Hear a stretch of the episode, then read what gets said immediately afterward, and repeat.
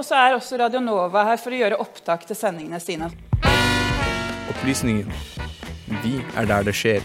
Opplysningen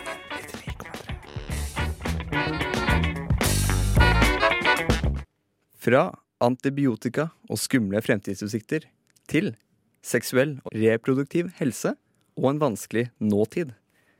Dagen i går, altså torsdag 23. januar 2020, markerer treårsdagen for gjeninnføringen av ordren Trump-administrasjonen kaller Protecting Life in Global Health, kjent også under navnet Mexico City Policy, og omtalt hyppig av ordrenets motstandere som The Global Gag Rule, munnkurvregelen. På denne dagen intervjuet opplysningen Chloé Cooney fra Planned Parenthood for å få noen svar på hva den loven er, omfanget og hvordan få den fjernet.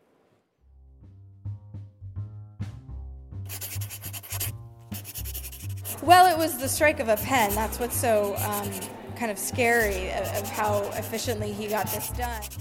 Du husker kanskje det ikoniske bildet av Donald Trump som omringet av en gjeng hvite menn skrev under på sin første presidentordre. Men husker du egentlig hva ordren går ut på? Ordren, som offisielt er kjent som Protecting Life in Global Health Assistance, var president Trumps første ordre i sitt presidentskap. Men hva går denne ordren egentlig ut på? Jeg tok turen ned til Stortinget, der organisasjonen Sex og politikk var samlet for å snakke om hvordan denne loven har preget verden tre år etter at den ble innført. Der møtte jeg Chloé Cooney fra organisasjonen Planned Parenthood Federation of America. Og jeg spurte henne hva denne loven eller som den ofte omtales som global gag rule, er for noe. Yeah, the global gag rule is uh, an insidious policy. Um, it's been around as a concept uh, for a number of years, uh, starting in, with Ronald Reagan in 1984, um, where he put a condition on international family planning assistance that anyone who received that funding uh, was prohibited from using any source of funding, including their own personal money, not from the U.S. government, to do any activity related to abortion, even counseling, referral, education. Uh, direct services, and even prohibits um, those organizations from advocating for the uh, legalization of abortion in their own countries. So, very anti democratic. It's been on and off depending on who was in the White House. Um, and Trump, on his first Monday in office, just days after the historic and global women's marches, not only reinstated it, but dramatically expanded it. So it now applies to all of U.S. global health assistance, um, which is a, about a $9 billion portfolio and uh, vastly sort of reaching uh, more people than, than ever. Altså var ikke Trump geniet bak denne loven. Men allikevel så blir den mer snakket om nå enn det den ble tidligere. Grunnen til dette er at loven nå er mye verre enn før. Forrige gang loven var aktiv, ble den innført av president George Bush jr. i starten av hans presidentskap, og ble så fjernet av president Obama. Bush jr. sin lov hindret rundt 600 millioner amerikanske dollar fra å bli utdelt i bistand. Trumps versjon av loven hindrer nærmere 9 milliarder dollar fra å bli utdelt i global health um, portfolio, it encompasses the HIV/AIDS program, PEPFAR, which is the by far the largest share of U.S. global health programming. Um, malaria, maternal health, etc. So, um, you know, in a time when for the last decade, we've been working so hard to ensure global health is more intersectional and connected so that um, patients can get all the care they need in one doctor's visit. The gag rule really undermines that goal, um, and it's cutting off, you know, the most qualified sexual health providers, which again are vital for not only reproductive health, but maternal health, but HIV as well. Men dette er ikke det eneste problemet med denne loven.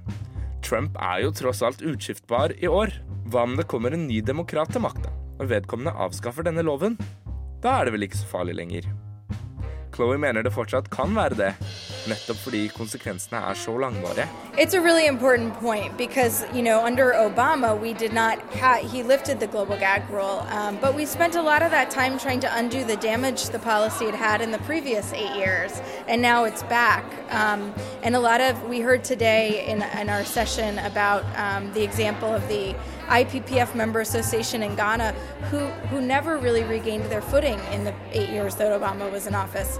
So I think while um, any action to remove the global gag rule will be welcome.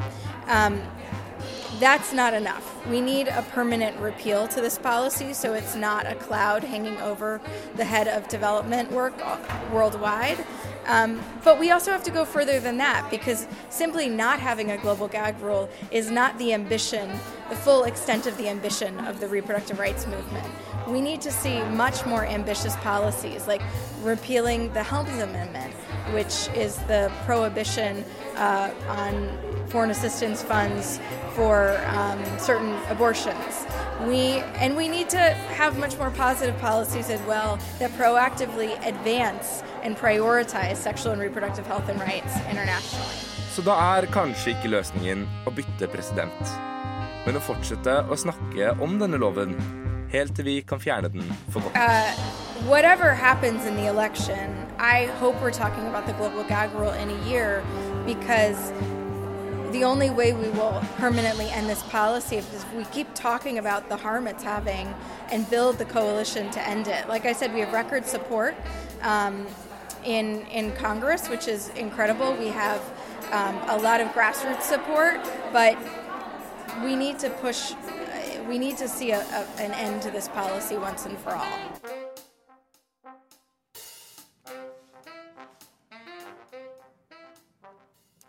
Og reporter i denne saken var Sander Zakaria. Etter en kjapp pause skal du få høre hva Kjersti Augland, seniorrådgiver i den norske avdelingen av The Plant, International Planned Parenthood, har å si om, denne, om dette lite gledelige jubileet.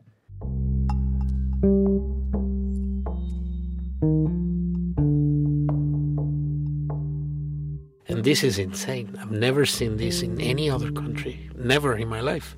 People eating from the trash, fighting about it. Når så mange er ensomme, så ligger jo på en måte ikke dette på, på individet lenger. Det ligger på systemet. Vi er i ferd med å ødelegge evnen vår eh, permanent kognitivt i hjernen til å konsentrere oss over lengre tid.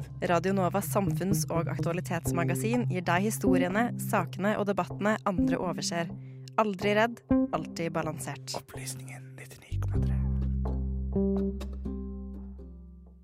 Før vi tok en liten pause, hørte vi fra Chloé Cooney om The Global Gag Rule og dets monumentale konsekvenser. Den 23. januar, treårsdagen for denne regelen, hørte vi også med Kjersti Haugland, seniorrådgiver i Foreningen for seksuell og reproduktiv helse og rettigheter, sex og politikk.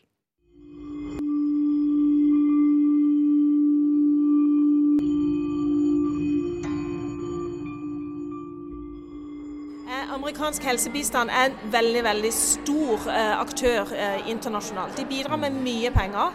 Eh, men europeiske myndigheter bidrar også veldig mye. Og Det er viktig at europeiske myndigheter og donorer står opp og er en tydelig stemme for seksuell og reproduktiv helse og rettigheter når USA endrer på sin politikk. Det Kjersti snakker om her, er den europeiske responsen til Global Gag Rule hvor vi har sett en økning i bistand til land i sør, organisasjoner som bedriver SRHR, eller seksuell og reproduktiv helse og rettigheter, i møte med den abortfiendtlige amerikanske politikken fremmet av generasjoner med republikanske presidenter.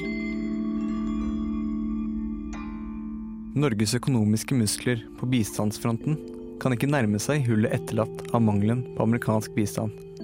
Men Kjersti mener fremdeles at norsk bistand er verdifull.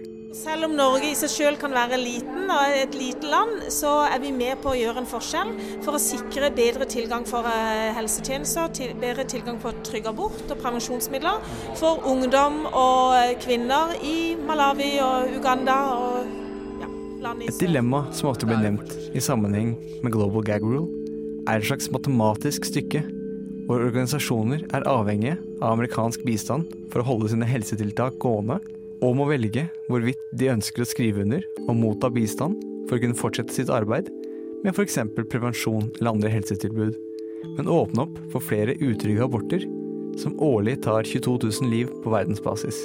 Eller ikke underskrive, og fremdeles fortelle om å utføre trygge aborter, men med store økonomiske kostnader som kan resultere i begrenset helsefremmende effekt. Dette leder til et slags utilitaristisk mareritt, hvor man må utføre prognoser og sette to streker under svaret, og det er tapte menneskeliv utregningen baserer seg på.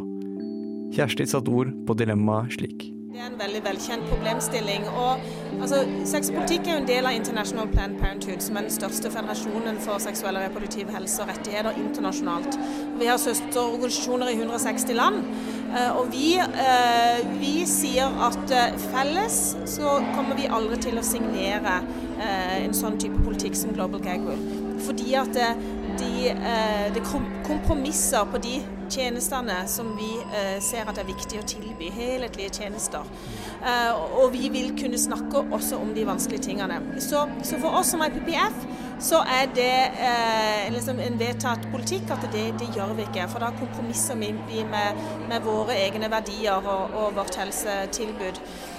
Men jeg kan jo også forstå at det er vanskelig for eh, små og store organisasjoner som kanskje har 90 av finansieringen sin da fra USA. Så da er det litt sånn eh, eh, Forsvinn, altså. Skriv under eller, eller forsvinn. Kjersti kan fortelle at i en ideell fremtid er ikke disse helsefasilitetene like avhengige av internasjonale hjelpepenger og ser for seg at man kan utbygge sivilsamfunnene i verdens mest rammede nasjoner. Sånn at Norge var jo ikke bygd opp bare, bare med statlige eh, institusjoner. Sånn, samarbeidet mellom fagbevegelsen og sivilsamfunn og ulike aktører er sentralt for å få et godt uh, demokratisk samfunn uh, som kan tjene alles interesser. Uh, så, så, det med å, å, tenke på at det er også en viktig modell i forhold til å bygge opp mer bærekraftige organisasjoner, som da kanskje i fremtiden, hvis vi får Global Gag Rule igjen, vil være mindre avhengige av bare finansiering fra USA og kan derfor i større grad ha ryggrad til å si nei, vi skriver ikke under. Vi mister 30% av pengene våre, men OK, vi klarer oss likevel å prøve å finne midler andre steder. Men historien slik den er i dag, forteller fremdeles om organisasjoner som ikke har noe annet sted å se til, og dermed fungerer Global Gag Rule for øyeblikket som intendert av sine forkjempere i Det hvite hus, enn så lenge. Du har nå hørt en podkast fra Opplysningen 99,3. Finn denne og tidligere episoder på Spotify, iTunes eller der du måtte finne dine podcaster ellers.